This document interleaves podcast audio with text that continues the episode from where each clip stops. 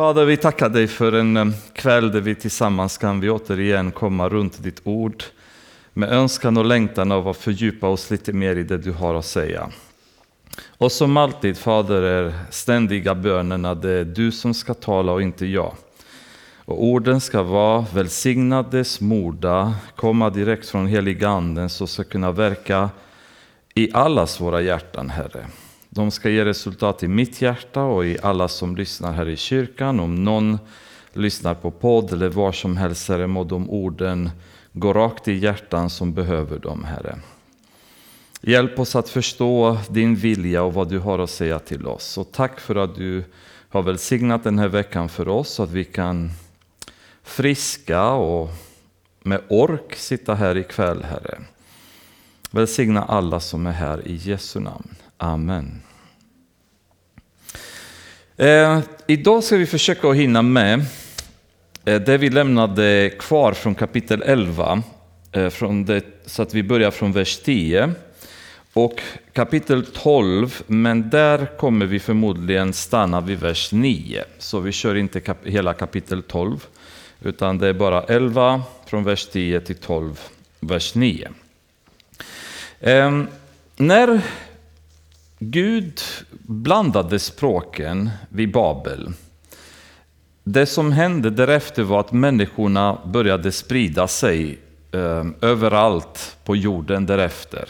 Intentionen var att de skulle stanna kvar där, de skulle samlas på ett ställe, de skulle bygga en identitet, ett namn, de ville inte sprida ut sig, eh, de ville skapa sig ett namn som, som då tydligt uttryckte och eh, började bygga ett torn. Då.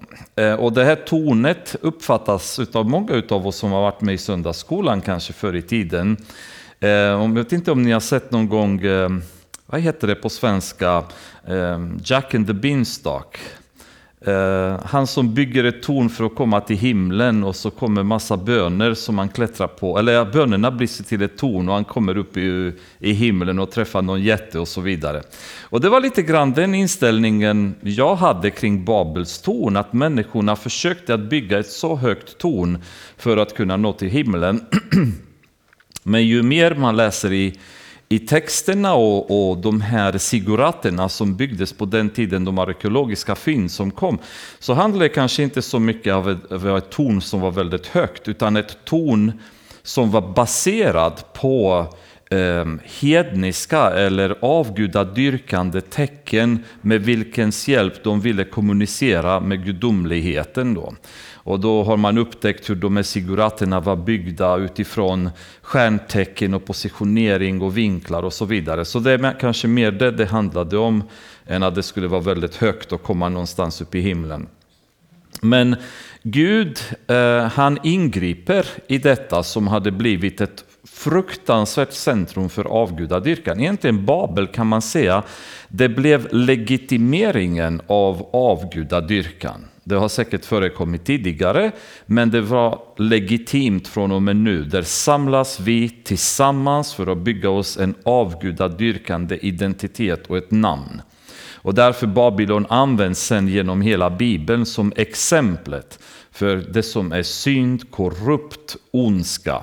Återigen, om vi läser eh, Uppenbarelseboken 17-18 kapitlet, där pratas det om skökan Babylon. Då.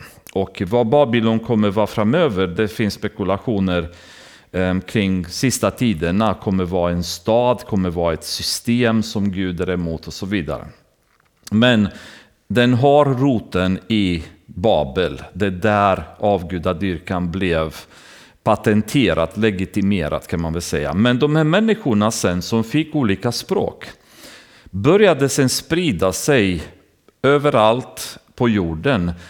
Men var de än tog vägen så tog de med sig avgudadyrkan till de ställena där de etablerade sig. Och på så vis så blir det nu en spridning av avgudadyrkan på väldigt många olika ställen. Så vare sig man åkte öst eller väst eller söder eller norr så blev det avgudadyrkan överallt man kom och mötte dem. Och eh, det kan man säga att det är i i den här, den här scenen som vi kommer ha med oss nu när vi går vidare eh, speciellt i kapitel 12. Men vi kan börja läsa från vers 10 i kapitel 11 där vi eh, stannade förra gången. Detta är Sems fortsatta historia. När Sem var hundra år blev han far till Arpakshad, två år efter floden. Sedan Sem hade fått Arpakshad levde han 500 år och fick söner och döttrar. När Arpakshad var 35 år blev han far till Källa. Sedan Arpakshad hade fått Källa levde han 403 år och fick söner och döttrar. När Källa var 30 år blev han far till Eber. Sedan Källa hade fått Eber levde han 403 år och fick söner och döttrar.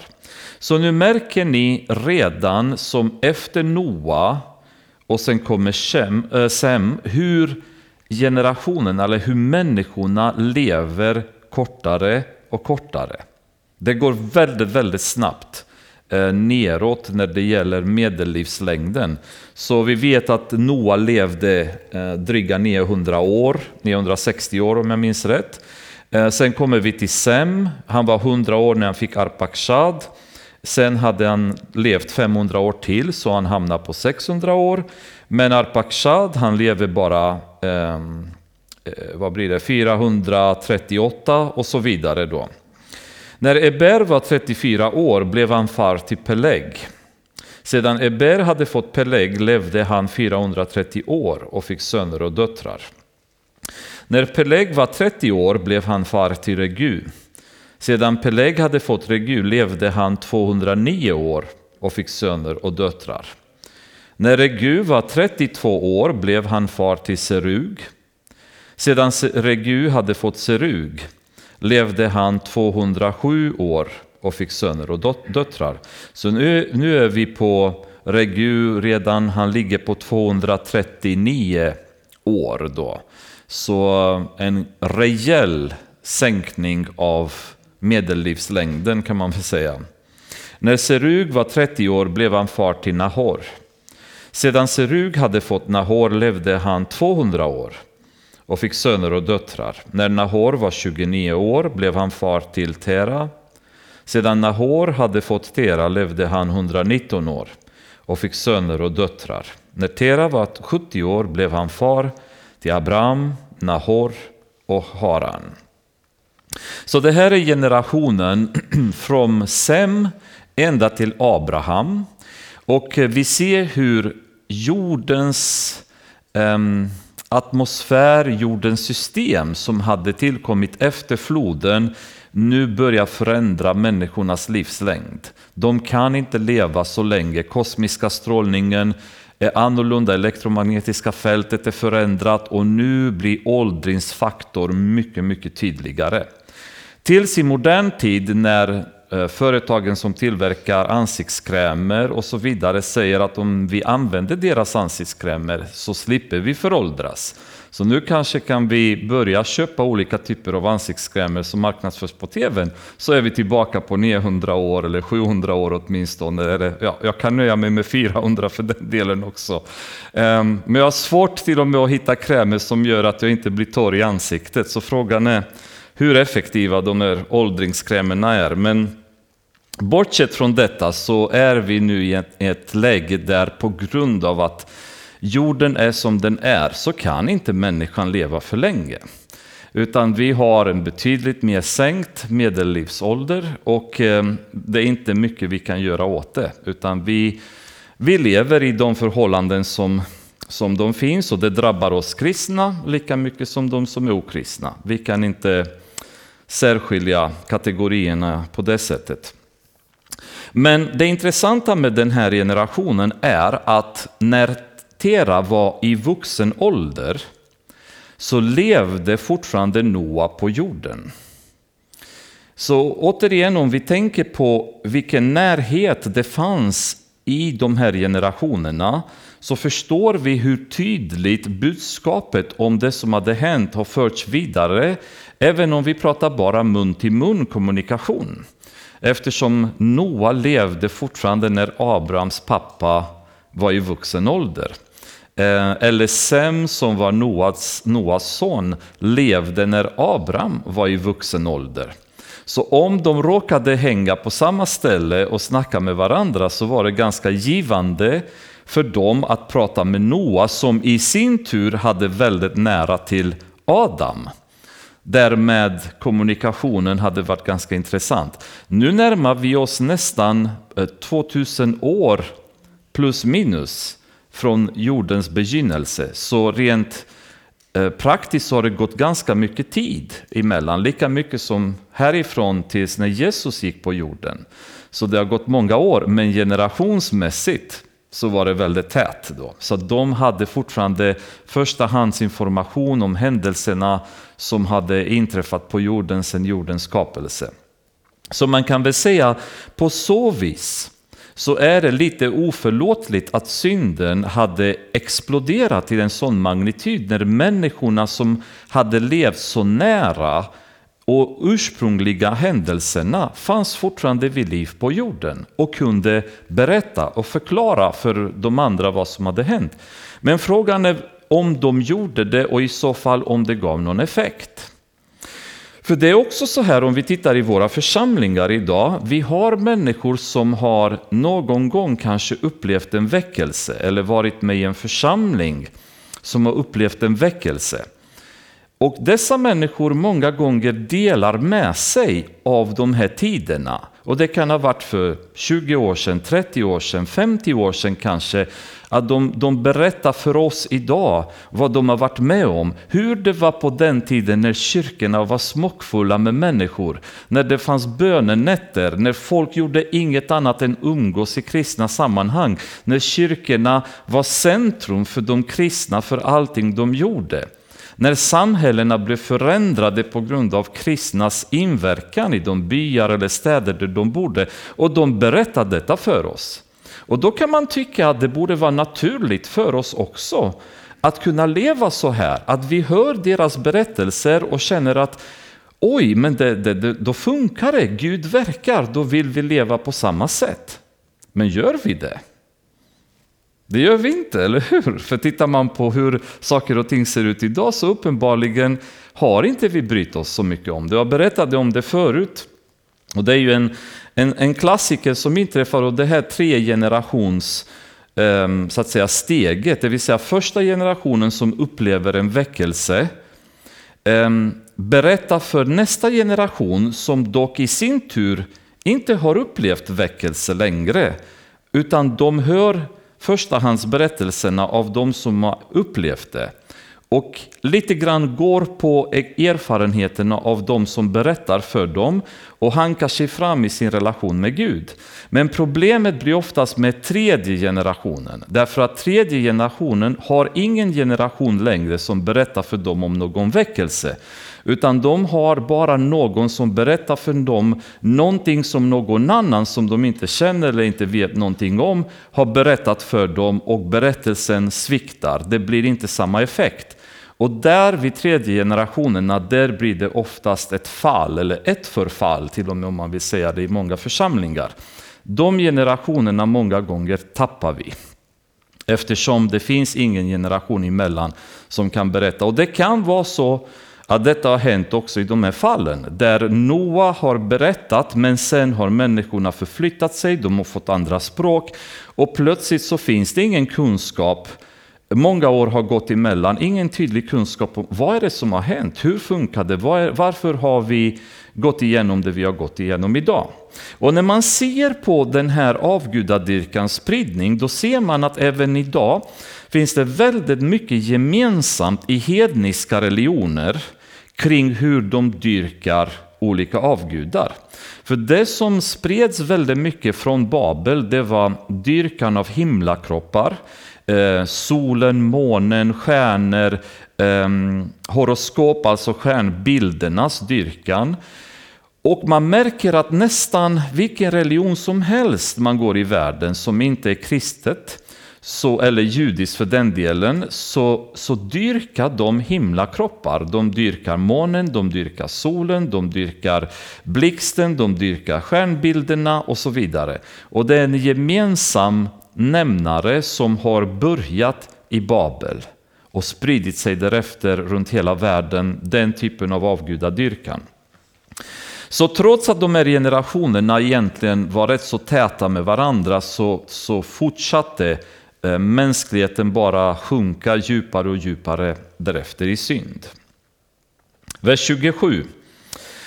Detta är Teras fortsatta historia. Tera blev far till Abram, Nahor och Haran, Haran snarare. Och Haran blev far till Lot. Haran dog hos sin far Tera i sitt fädernesland, det kaldeiska Ur. Abram och Nahor tog sig hustrur. Abrams hustru hette Sarai och Nahors hustru hette Milka. Hon var dotter till Haran som var far till Milka och Giska. Nu är denna Haran inte samma som Haran eh, som är Abrams bror, utan det var en annan Haran. Men i alla fall så nämns det för oss. Men Sarai var ofruktsam och hade inga barn. Och Tera tog med sig sin son Abram och sin sonson Lot, Harans son, och sin son hustru Sarai som var hustru till hans son Abram.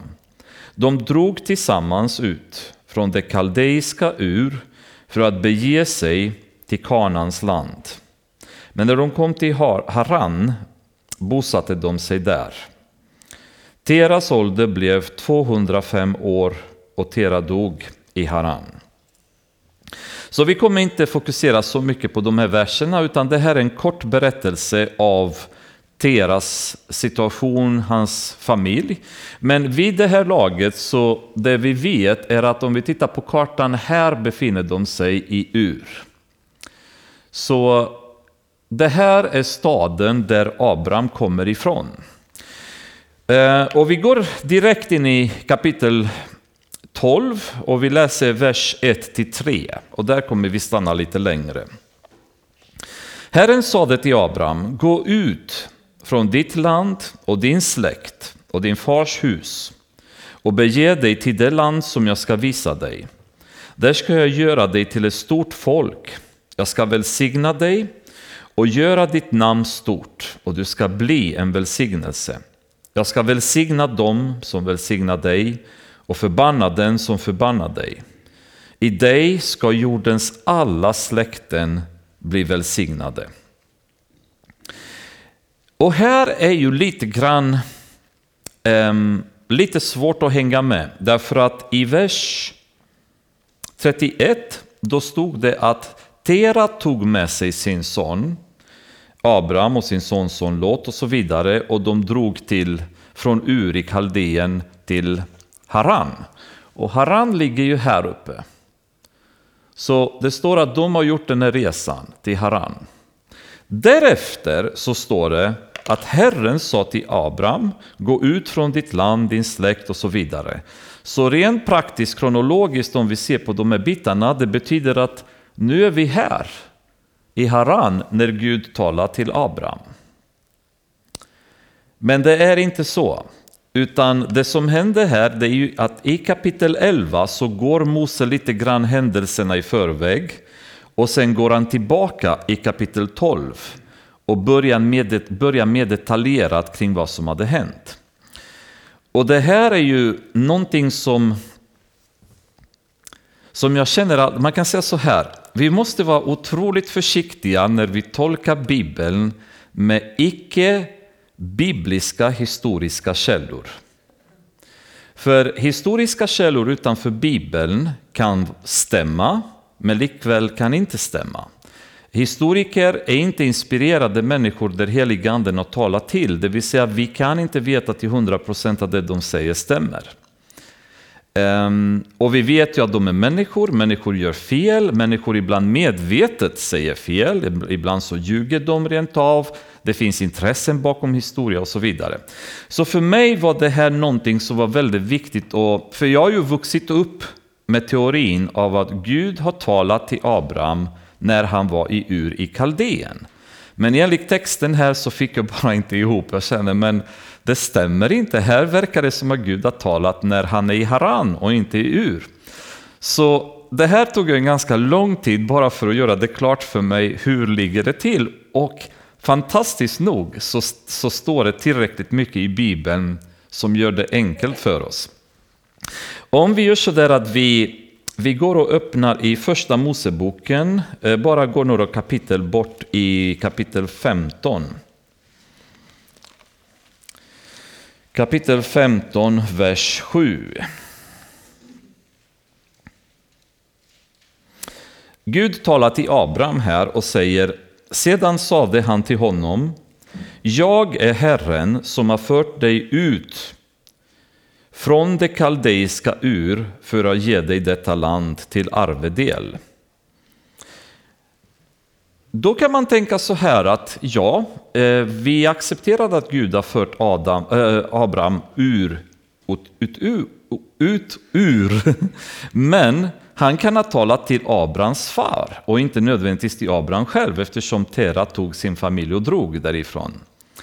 Om vi går lite längre bort i Nehemia kapitel 9, vers 7. Du är Herren Gud som utvalde Abraham och förde honom ut från det kaldeiska ur och gav honom namnet Abraham. Nu började närma sig lite grann att det handlar trots allt om Abraham och Ur. Gud har fört honom ut ur ur. och det, det sista som vi kan läsa, det är om vi går till Apostlagärningarna kapitel 7, vers 2 och 3. Då är Stefanus inför prästerna, inför eh, de vise männen där i Israel och han har sitt berömda försvarstal. Och då säger han så här, Bröder och fäder, lyssna på mig. Härlighetens Gud uppenbarade sig för vår fader Abraham i Mesopotamien när, innan han bosatte sig i Haran. Han sade till honom, lämna ditt land och din släkt och bege dig till det land som jag ska visa dig. Då lämnade Abraham kaldéernas land och bosatte sig i Haran. Och när hans far hade dött förde Gud honom därifrån till det land där ni nu bor. Och då lägger vi ett plus ett plus ett och får fram att kaldéernas land låg ju här. Det vill säga i kaldéernas land, i Ur, har Gud talat till Abraham och sagt att han ska lämna det här stället och gå till ett land som Gud skulle visa honom. Och varför jag tar så mycket tid kring detta, det är att det är väldigt viktigt att vi förstår den här ordningen för det som komma skall. För det blir en helt annan situation när vi förstår att Gud talade till Abraham där, i Ur i Kaldeen. För bortsett från första Mose kapitel 1 och kapitel 2 Resterande delarna av Mose bok innehåller ingenting annat än misslyckande och problem. De enda två kapitlen som är vackra, det är kapitel 1 och kapitel 2 med Guds skapelse, som avslutas med att Gud konstaterat att allting var mycket gott. Därefter så blir det bara problem. För i kapitel 3, då kommer synden in i världen genom att Adam och Eva syndar. I kapitel 4 mördar Kain Abel. I kapitel 6 så läser vi att Nefilim kommer ner på, på jorden. Guds söner kommer ner och skapar jättar. Det skapas en, ett fördärv och ett syndigt levande utan dess like där ingen på jorden levde rättfärdigt längre utom Noa. Det är den enda som vi läser att han var en rättfärdig man. Och resultatet av detta är sedan floden som kommer. Det första som händer efter floden, eller strax efter floden, det är att Noa blir full och ligger naken i sitt tält. Ingen vacker synd heller. Ehm, det fanns ingen annan på jorden. Det fanns inte mycket att synda. Ändå så råkar Noa bli full och så ligger naken, som var väldigt skamligt, i sitt tält. Då. Ehm, därefter så hamnar vi vid Babels torn där människorna blir så avgudadyrkande och så rebelliska så Gud bestämmer sig att ingripa igen ehm, och förbistra deras språk. Så alla de här kapitlen innehåller fördärv helt enkelt. Människorna har inte gjort så mycket gott under den här perioden. Och då kan man tänka sig, vad gör man åt detta? Än så länge Gud har ingripit väldigt hårt med floden, sen med Babelstorn. Vad gör Gud nu? Denna gång så bestämmer sig Gud att kalla en människa. Och det är väldigt mäktigt. För att initiativet ligger hos Gud.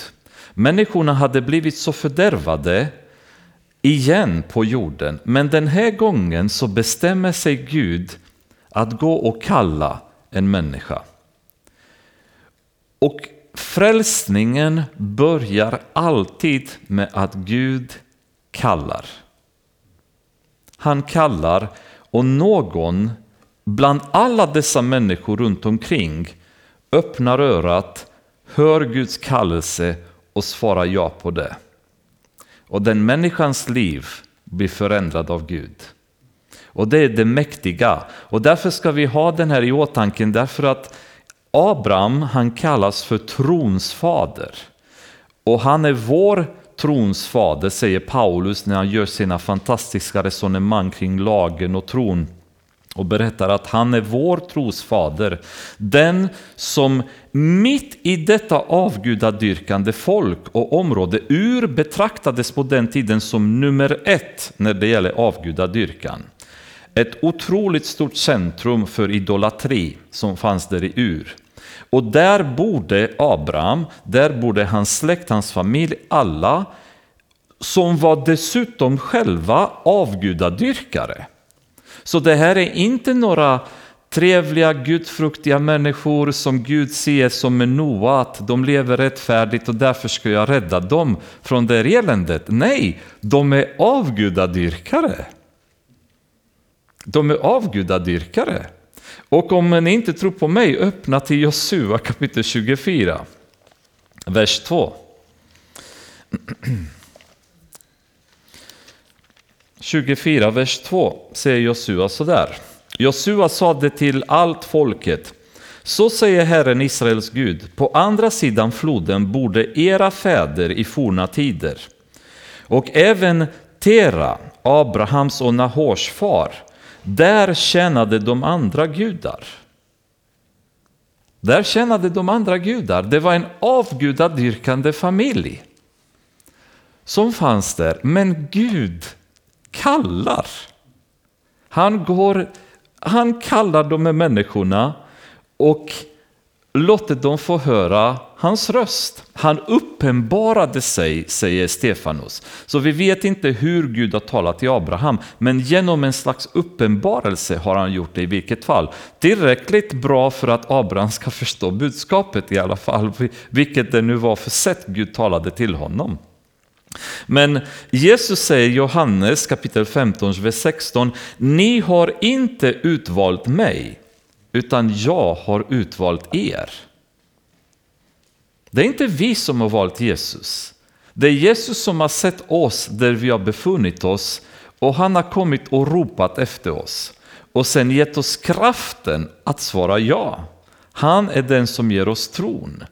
För annars var vi helt döda, säger Paulus i Efesierbrevet. Men genom att ge oss kraften att säga ja så har vi blivit frälsta. Och det är så fantastiskt att se att i det här mörkret så går Gud och kallar en människa. Kallar Abraham från det här avgudadyrkande stället.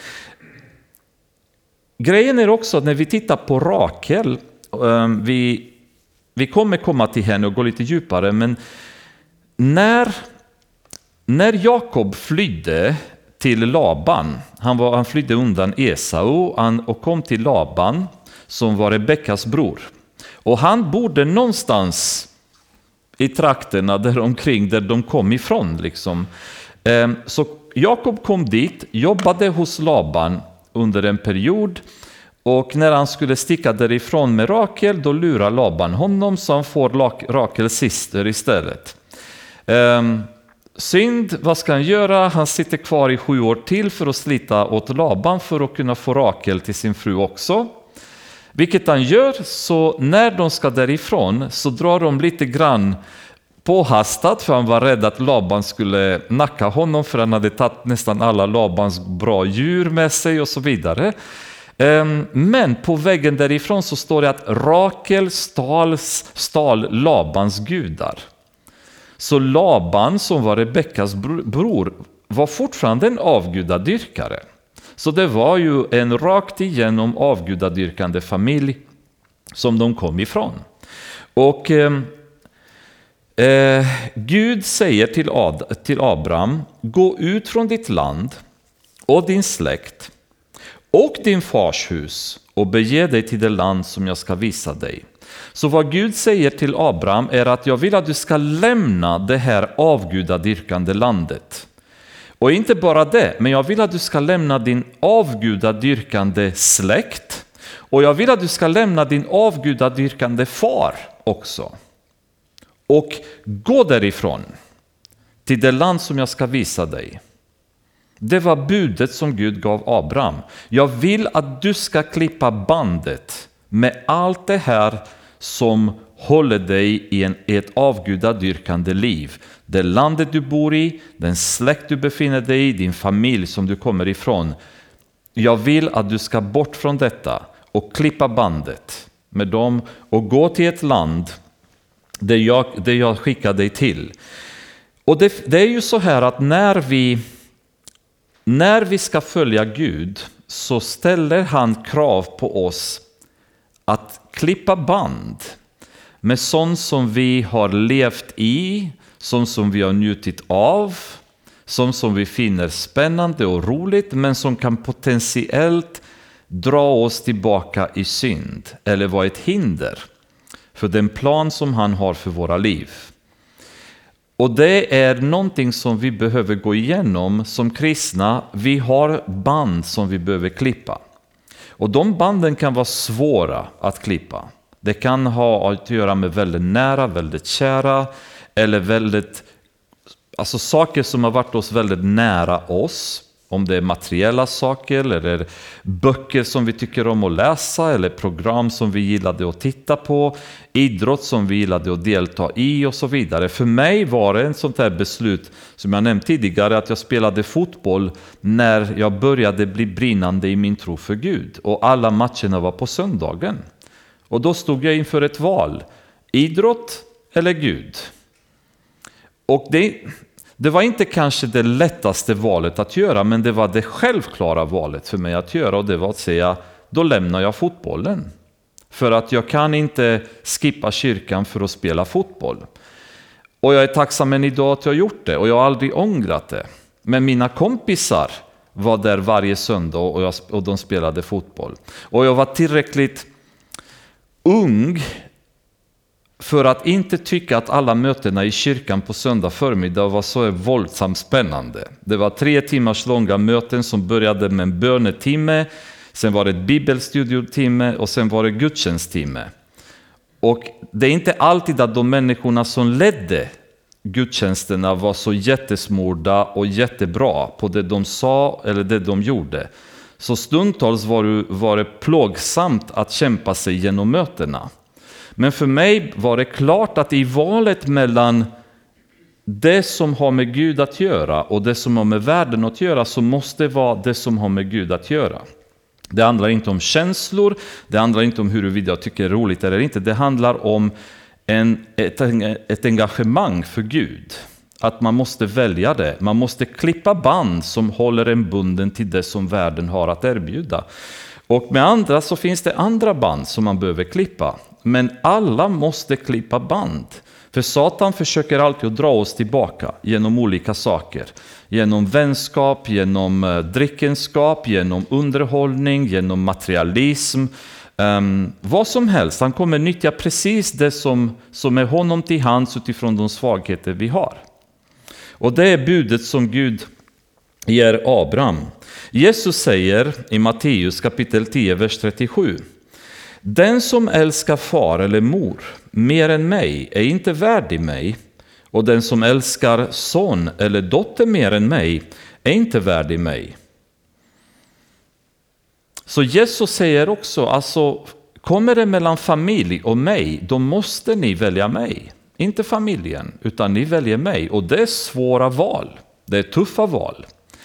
Eh, men Jesus säger, Gud går alltid först. Allt annat går efter. Och det är en linje som vi måste ha väldigt tydligt i våra liv. För ingenting annat kommer fungera. Det enda som kommer ge välsignelse och resultat är om vi följer Gud. Allt annat är bara kompromisser som förr eller senare kommer förstöra för oss, kommer skapa bekymmer. Och det, det kan vara tufft. Eh, men, men om vi kapar de banden, och ju tidigare vi kapar de banden, ju mindre chans är det att vi kommer trilla tillbaka i de synder som vi har kravlat oss ut ur. Och därför är det ju väldigt bra om vi gör det. Det finns en anledning till att många bänkar är tomma i församlingar idag. Därför att det finns bröder och systrar som inte har, klapp, eh, inte har kapat band. Har låtit band vara kvar i deras liv som har bundit dem fast till världen. Och förr eller senare så börjar man dras tillbaka i synd eller i underhållning eller andra aktiviteter som gör att uppmärksamheten och tiden med Gud minimeras och försvinner. De band skulle ha klippts väldigt tidigt. Men man har låtit de banden vara kvar och förr eller senare så blir man dragen tillbaka. Och ibland så när vi inte är kapabla att klippa de banden så går Gud in och klipper dem själv. Men han gör det ibland betydligt mer smärtsamt, betydligt mer dramatiskt. Och det kan vara jättejobbigt för oss att gå igenom. Men de banden måste klippas, annars kommer man ingen vart. Så Abraham valde att släpa med sig hans familj. Han lämnade dem inte däremot i Ur. Han tog med sig sin far, han tog med sig delar av sin släkt, Lot bland annat och hans familj. Istället för att lämna dem kvar där i Ur som Gud har sagt till honom att han ska göra.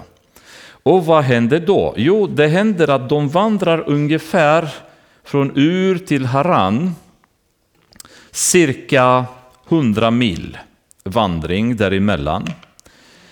Men de kommer till Haran och där stannar de. Det intressanta är, vad är Haran för ställe? Haran är sista utposten. Eh, om man går söderut, det här är en vildmark, öken. Om man däremot fortsätter neråt, då kommer man till ett helt annat område då som heter Kanaan och så vidare då, Egypten längre bort. Men den här är sista utposten för den kaldeiska religionen då och avgudadyrkarsystemet som de använde sig i de trakterna. Och räknades faktiskt som nummer två avgudadyrkade centrum efter Ur. Och i Haran så, eh, så dyrkade de specifikt månguden som tro eller ej heter sin, vilket är väldigt nära synd tycker man, eller till och med identiskt med engelska sin som betyder synd. Ehm, så den månguden var den som de dyrkade i Haran. Och där stannar Abraham med hela följet som, som han hade med sig. Och man tror att de var där i Haran i cirka 15 år. hade de stannat. Och man kan förstå lite grann eh, poängen och det är att de kommer dit och känner bara att det här är fortfarande, vi har ju, vi har ju lämnat ur, jag, jag har gjort det som Gud har sagt att jag ska göra. Men det här känns ändå lite gött för att jag, jag är på väg, jag har avverkat ganska mycket. Men det känns ändå lite som hemma. Alltså man ser gemensamma utnämnare. Huruvida det resonemanget försiggick eller inte, det vet vi förstås inte. Om Abraham tänkte så eller Tera tänkte vad de tänkte. Men det faktum är att de stannar i 15 år cirka plus minus i ett ställe som var nummer två i avgudadyrkan som liknar det stället som de har lämnat hemma det konceptet, den religionen, det levernet som Gud ville att de skulle lämna bakom sig och, och, bara ta bort det, de stannar nu kvar i, i Haran i cirka 15 år. Och det, det är väldigt tilltalande för mig därför att jag upplever också så att det är väldigt många utav oss som, som har hittat till korset. Vi har gett våra liv till Jesus, vi har blivit frälsta. Vi har tagit ett beslut att, att lämna världen, att, att komma till honom och leva som Guds barn. Men det är en del som vi har väldigt svårt med att göra och det är att ta upp korset och vandra med det. Att hitta till korset är en sak. Men att sen ta upp korset och börja vandra med korset, det är det som så många utav oss är så dåliga på. Vi vill helst leva med Gud, men vi vill avnjuta det som Haran har att erbjuda. Vi vill fortfarande ha de världsliga delarna i våra liv som en gång i tiden har berikat vår tillvaro. Det som vi en gång i tiden har tyckt var roligt. Eh, de delarna vill vi gärna behålla i våra liv. Jag vill vara kristen, men en gång i tiden så har jag tyckt att rockmusik var väldigt rolig. Jag, det kan inte vara så farligt om jag vill någon gång gå på en rockkonsert. Jag är fortfarande kristen, jag tror fortfarande på Gud, jag är fortfarande Guds barn, men jag tycker den musiken är väldigt kul. Så jag skulle faktiskt vilja gå fortfarande då och då på en konsert. Det gör inget att de människorna som sjunger lever ogudaktigt, kanske satanister, kanske gör alla möjliga vidrigheter. Men jag är där för musiken. Jag, jag godkänner inte deras livsstil. Jag vill bara avnjuta musiken för jag tycker det är så bra. Jag gillar den musiken. Jag tycker jättemycket om eh, att titta på tv när det är homosexuella som är på scenen och sjunger. För jag bryr mig inte om hur de lever, egentligen det är musiken jag är ute efter. Det är så fin musik de sjunger. Jag har inga problem med, med, med, det och jag är så pass mogen i min tro så jag kan faktiskt kan skilja mellan det ena och det andra. Och jag är också väldigt mogen i min tro så att jag kan då och då tillåta mig själv att sitta och dricka vin och dricka lite öl och dricka lite whisky kanske med några grannar. För det kan också till och med hjälpa dem att förstå att jag inte är så inskränkt som de tror att kristna är. Jag vill visa dem hur underbart det är att vara kristen och ha friheter. För Paulus säger att det inte det är inte någon fara. Så länge det inte tar över mig, så inte jag inte blir, länge jag inte blir full. Och det finns väldigt mycket som jag egentligen skulle fortfarande vilja göra. Och jag, fortfarande, jag tycker Paulus är ganska extrem när han säger att jag ska vara död mot det som är i världen och levande för Gud. Varför måste vi vara så? Varför måste kristna vara så tråkiga och inte kunna göra någonting? Vad är det för liv vi ska leva?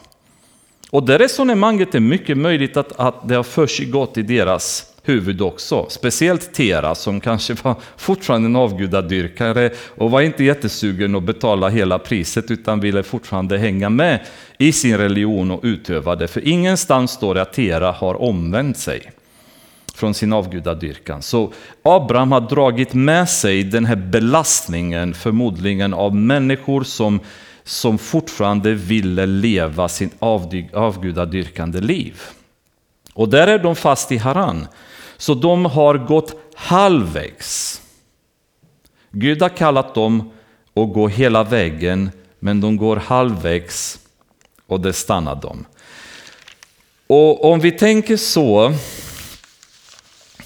hur många är det som vi inte känner idag, som vi kan titta tillbaka och se att de har gått halvvägs. De har inte orkat gå hela vägen, utan någonstans på vägen har de stannat. Människor som har upplevt en kallelse, människor som har haft en gåva given utav Gud för att verka för honom, en talang som de ska investera åt honom.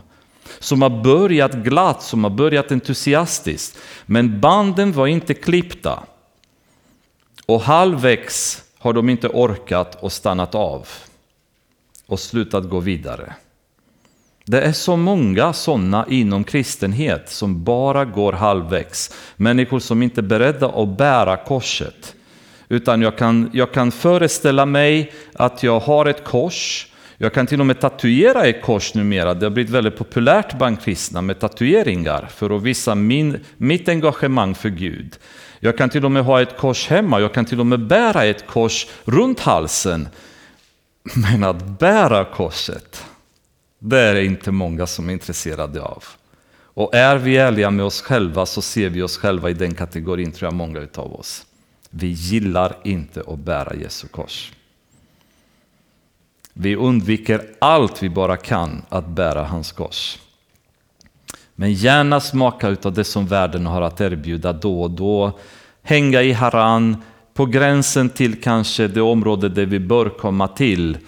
På andra sidan Jordanfloden som två utav stammarna gjorde innan de skulle komma in i det förlovade landet som kände bara att men för oss räcker det här.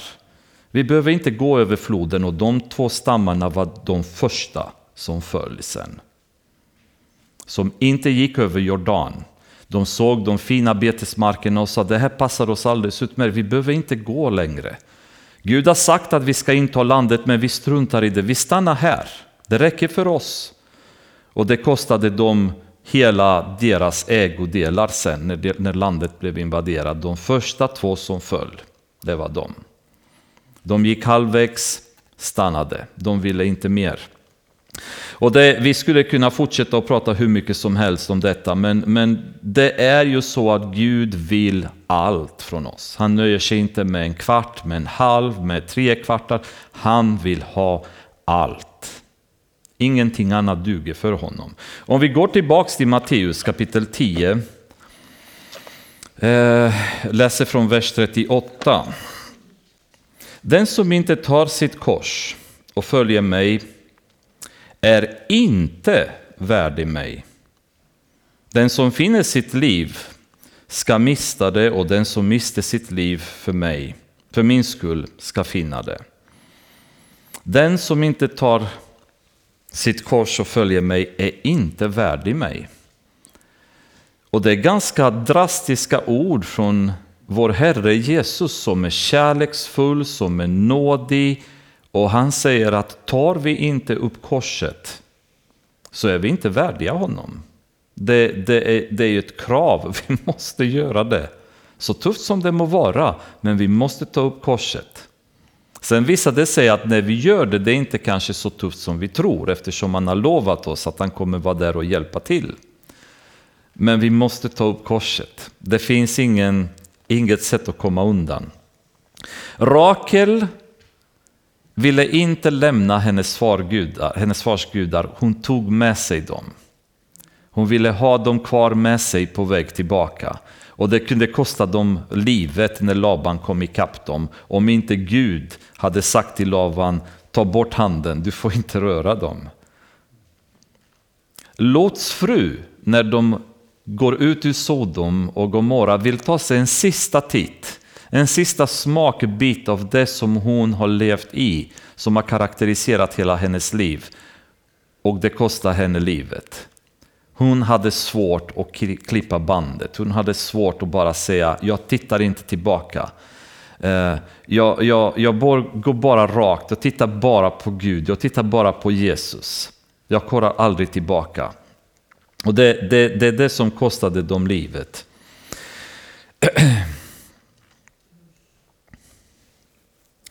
Abraham gav sig iväg som Herren hade sagt till honom och Lot gick med honom. Abraham var 75 år när han lämnade Haran.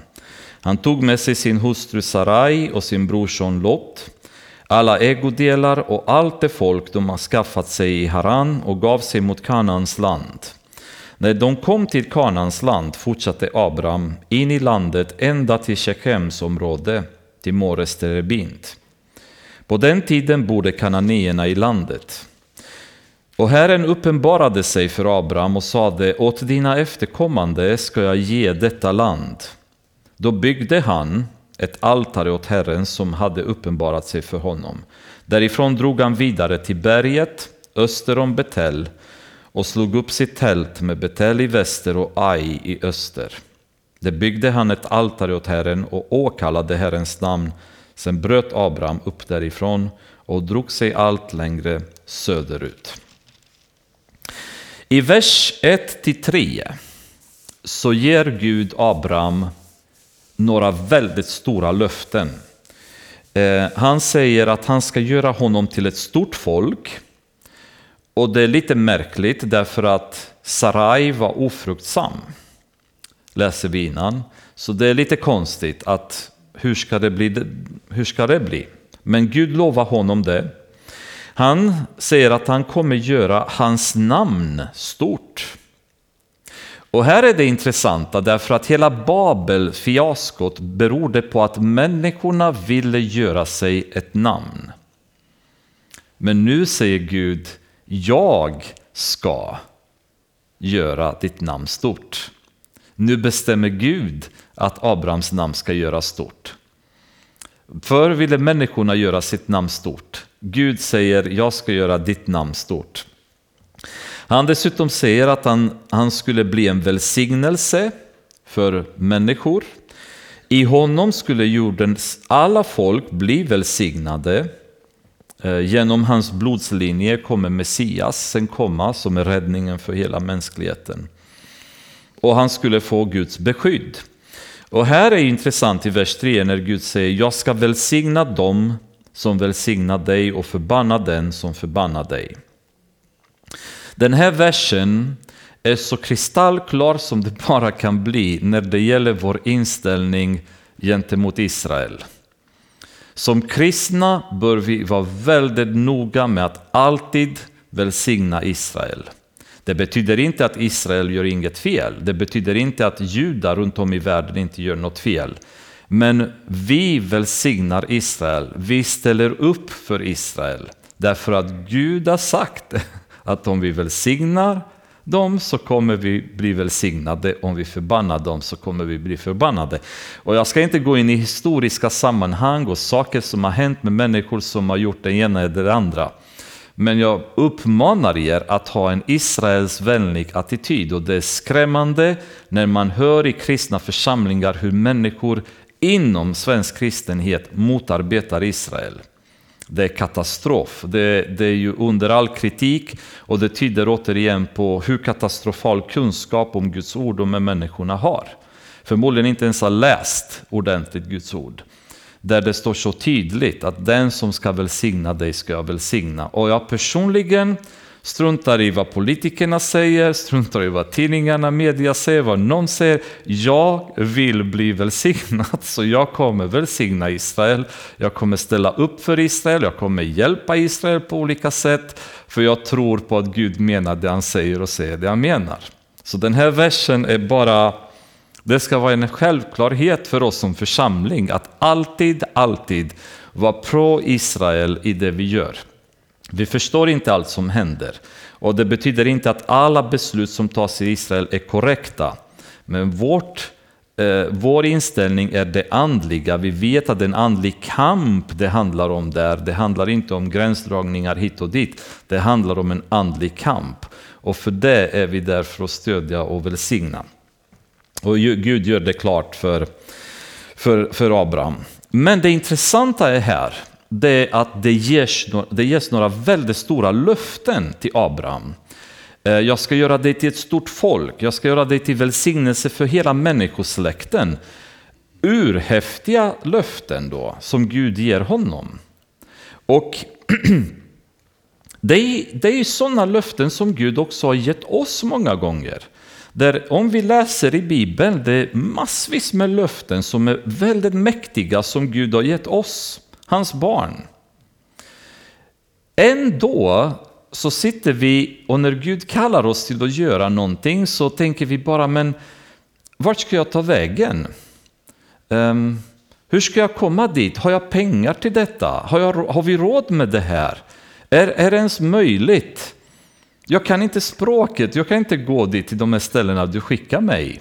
Hur ska jag klara mig? Så om vi tänker varenda gång Gud ger oss några stora uppdrag eller några stora löften om vad han vill göra med oss, så drar vi ner det från Guds perspektiv och sänker det till vårt perspektiv. Och mitt perspektiv är, vart ska jag gå någonstans? Du har inte talat om för mig Gud var jag ska ta vägen. Eller var ska jag få tag på pengar? Alltså vi går, vi sänker Guds mäktiga löften som har med evighet att göra och vi tar det till våran mänskliga nivå och säger men jag behöver nya skor, jag behöver nya kläder. Hur ska du fixa detta åt mig? Och Abraham kunde ifrågasatt detta och sagt liksom men Gud, eh, Sarai hon, hon kan inte föda barn, vad snackar du om liksom? Hur, hur tänker du där? Men det är just denna dimension som Jesus försöker att få oss att komma ifrån då, i vårt tänkande som kristna. Och vi ska öppna till Matteus evangeliet kapitel 6. Eh, där han har sin magnifika förklaring till varför vi inte behöver tänka på det sättet. Vi måste förstå Guds dimension, förstå hur Gud tänker för att vi ska kunna eh, ha ett framgångsrikt liv. I vers 25 säger han så här, därför säger jag er, bekymra er inte för ert liv, vad ni ska äta eller dricka, eller för er kropp, vad ni ska klä er med. Är inte livet mer än maten och kroppen mer än kläderna? Med andra ord, det han säger är, finns det inte en större dimension till livet än de här sakerna som ni ständigt ägnar er åt? Förstå Guds dimension i er tillvaro så kommer ni automatiskt förstå att ni inte behöver oroa er för de här grejerna. För Gud har en helt annan dimension. Det spelar ingen roll att Sarai är ofruktsam, det där löser Gud enkelt. Det spelar ingen roll att du inte vet var du ska ta vägen, bara börja gå så kommer Gud guida dig. Det spelar ingen roll att du inte har pengar, för om Gud leder så förser han. Han har lovat att han kommer ta hand om dina behov. Det spelar ingen roll om du inte har mat på bordet, för han kan skicka korpar med mat om det nu så krävs. Det enda du behöver bekymra dig om eller tänka på, det är att uppfatta Guds perspektiv och ställa upp när han kallar. Men vi tenderar hela tiden att minimera Gud och dra ner honom in i våra perspektiv. För vårt perspektiv är mänskligt. Vi vill veta vad vi ska äta, dricka, vilka kläder vi ska ha, om vi har en bil, om vi har ett jobb, om vi eh, har ett färdmedel dit vi ska och så vidare. Medan Gud säger hela tiden tänk på mitt perspektiv så ska allt annat ordnas åt er för att ni ska uppfylla mitt perspektiv och den kallelse som jag kallat er till. För jag kallar inte er till att göra någonting utan att utrusta er för det jag kallat er till att göra. Men ni behöver gå i tro. Och nu kommer vi så småningom in i det som Abraham handlar om och det är tron på Gud. Och det är väldigt spännande när Jesus tar detta. I Hebreerbrevet, vi kan läsa en kort bit där också i kapitel 11. Vi kanske kommer att, att, komma vidare eller komma tillbaka till kapitel 11 eftersom det handlar så mycket om tro. Och eh, Abraham bland annat är en av huvudrollsinnehavarna där. Men vi kan läsa från kapitel, 8, eh, kapitel 11, vers 8. I tron lydde Abraham när han blev kallad att dra ut till ett land som han skulle få i arv, och han gav sig iväg notera här, utan att veta vart han skulle komma. Så vid den här tidpunkten hade Gud inte berättat för Abraham vilket land han ville att han skulle komma. Han bara sa gå ut, ut, ur, ur. Det här var svårt. Gå ut, ur, ur. Um, och Abraham gör det. Han visste inte var han skulle ta vägen. I tron levde han i löfteslandet som i ett främmande land. Han bodde i ett tält med Isak och Jakob som var medarvingar till samma löfte. För han väntade på staden med de fasta grundvalarna vars byggmästare och skapare är Gud. För eh, Genom tron fick även Sara, som var ofruktsam, kraft att bli mor till en ett, fast hon var överårig. Hon tänkte att den som hade gett löftet var trofast. De visste inte hur de skulle få ett barn. Så de visste inte vart de skulle, de visste inte hur det skulle gå tillväga, det som Gud hade lovat, att de skulle bli till ett stort folk. Därför fick också en enda man, så gott som död, barn, så talrika som himlens stjärnor och oräkneliga som sandkornen på havets strand. I tron dog alla dessa utan att ha fått det som var utlovat. Men de hade sett det i fjärran, hälsat det och bekänt sig vara gäster och främlingar på jorden. De som säger så visar att de söker ett hemland. Hade de tänkt på det land som de lämnat så hade de haft tillfälle att vända tillbaka dit. Men nu längtade de till ett bättre land, det himmelska. Därför skäms inte Gud för att kalla deras Gud, för att han har förberett en stad åt dem. Så de visste inte vart, de visste inte hur, de visste inte när. De visste att det kommer att komma ett löfte, det kommer att komma en stad, det kommer att komma ett liv som de bara trodde på men de hade ingen aning om när. Det kunde ha skett under deras livstid. Eller så kunde det ha skett mycket längre. De hade ingen aning, men de stod fasta i den tron att Gud skulle göra det han hade lovat dem att han skulle göra. I tron bar Abraham fram Isak som offer när han blev satt på prov, sin enda son som bar han, bar han fram trots att han hade fått löftena och Gud hade sagt till honom, det är genom Isak din avkomma ska räknas. Så de visste inte vart, de visste inte hur, de visste inte när och det sista, de visste inte varför. Abraham har aldrig fått en förklaring till varför Gud har velat att han skulle offra Isak. Men han var beredd att göra det. Han visste inte varför, men han gjorde det därför att Gud har talat om, talat om för honom att han skulle det. När vi tittar på Abrahams attityd här som vi har läst om, att han tog med sig sin familj, han skulle inte gjort det, han stannade i Haran, han skulle inte gjort det. Det var lite grann ta några tabbar kan man säga i början av hans liv med Gud. Men det fanns en grej som aldrig lämnade honom och det var att han trodde på Gud. Och det är ju så här att i tron, vi som kristna, vi kan göra fel, vi kan vackla, vi kan snubbla ibland.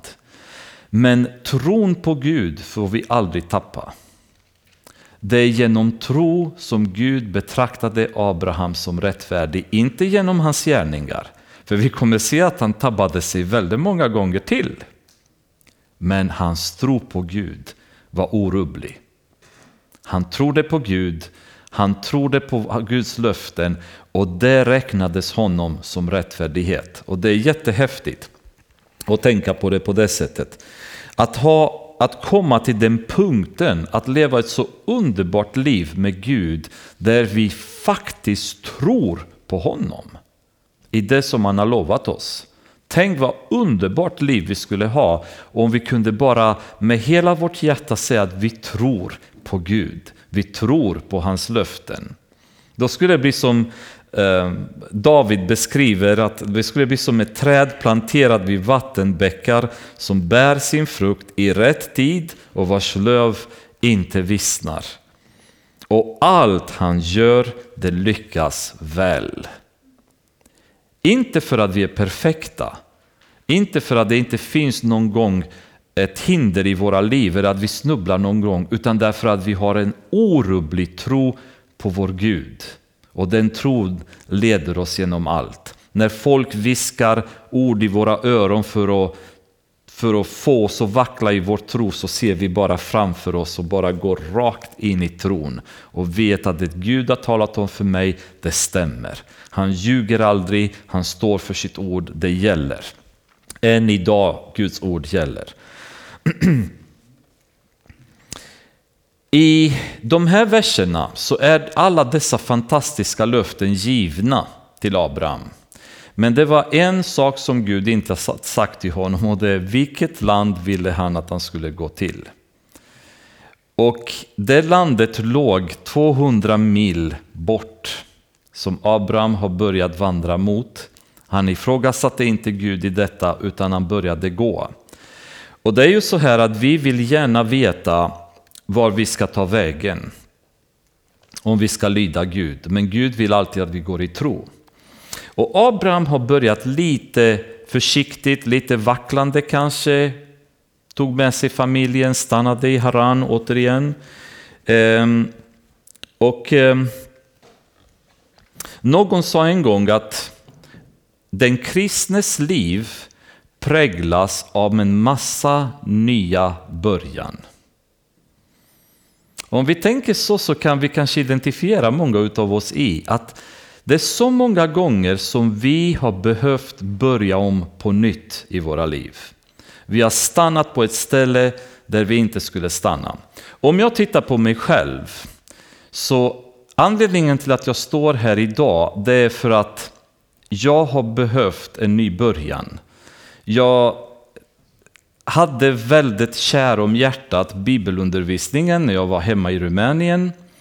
Det hängde lite grann med mig när jag kom tillbaka till Sverige, men när jag kom hit då blev det familj, man ska hitta jobb, man ska göra karriär, man ska uh, hålla på med massa annat.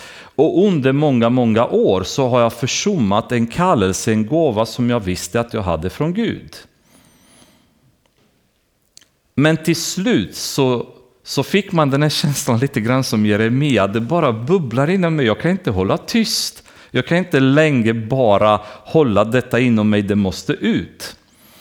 Och, och tack och lov så har Gud accepterat eller tillåtit mig att ha en ny början. Och Gud är så nådig som tillåter oss att ha en ny början. Och det blir ibland att vi, vi stannar, vi har failat, vi har, liksom, vi har gjort något helt fel. Det gör inget så länge vi reser oss och börjar om på nytt. Fortsätt i den här tron vi har. Ja, vi har misslyckats, vi har förlorat lite tid. Mose har förlorat 40 år av hans liv i öken. Men det blev en ny början när han var 80 år och det blev livsförändrande för oss idag. Abraham startade och fick lite problem i början. Han gjorde inte allt som Gud hade sagt, men han får en ny början och när hans far dör i Haran så bestämmer han sig, hindret är borta förmodligen. Det som kanske fick honom att stanna är ur vägen. Om hans far dog av ålderdom eller för att Gud tyckte att det var dags att sätta stopp för det för att få vidare hela följet, det vet vi inte. Men det blir den nya början nu när Haran blir stället där Abraham nu lämnar bakom sig. Och från och med Haran så blir Abrahams liv annorlunda.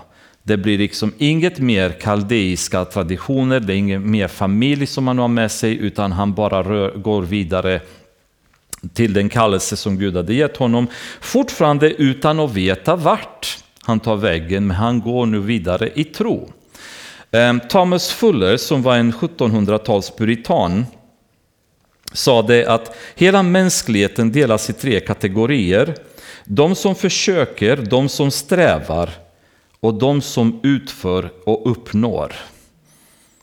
Och Tera han försökte, han ville haka på, han hängde med i det han visste, det han kunde.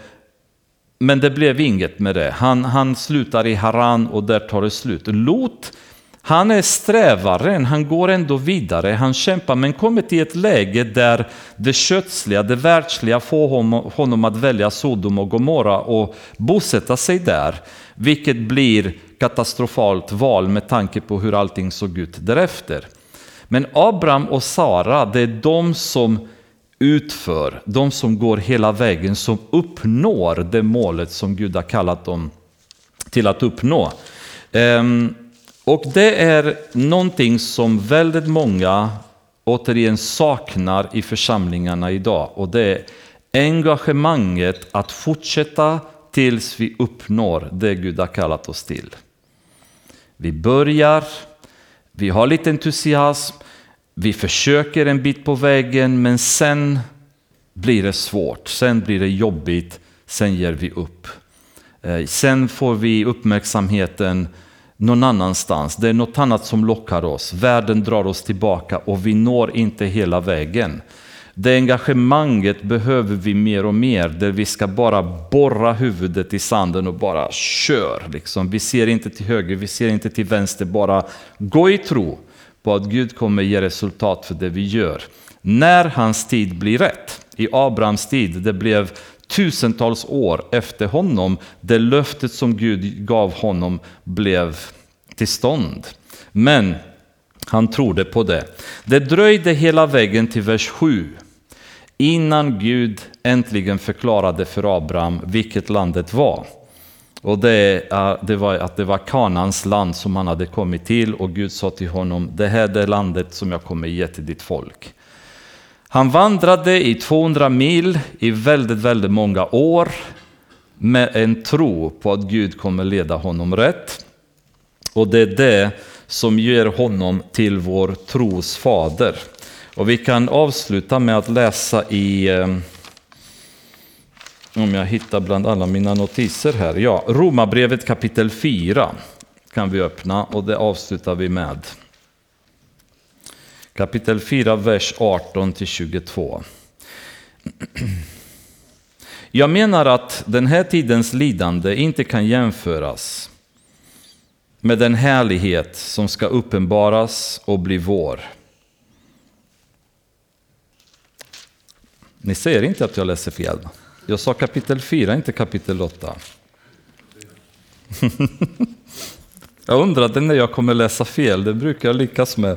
Ni kommer tro att jag gör det medvetet, men det gör jag inte. Eh, kapitel 4, vers 18.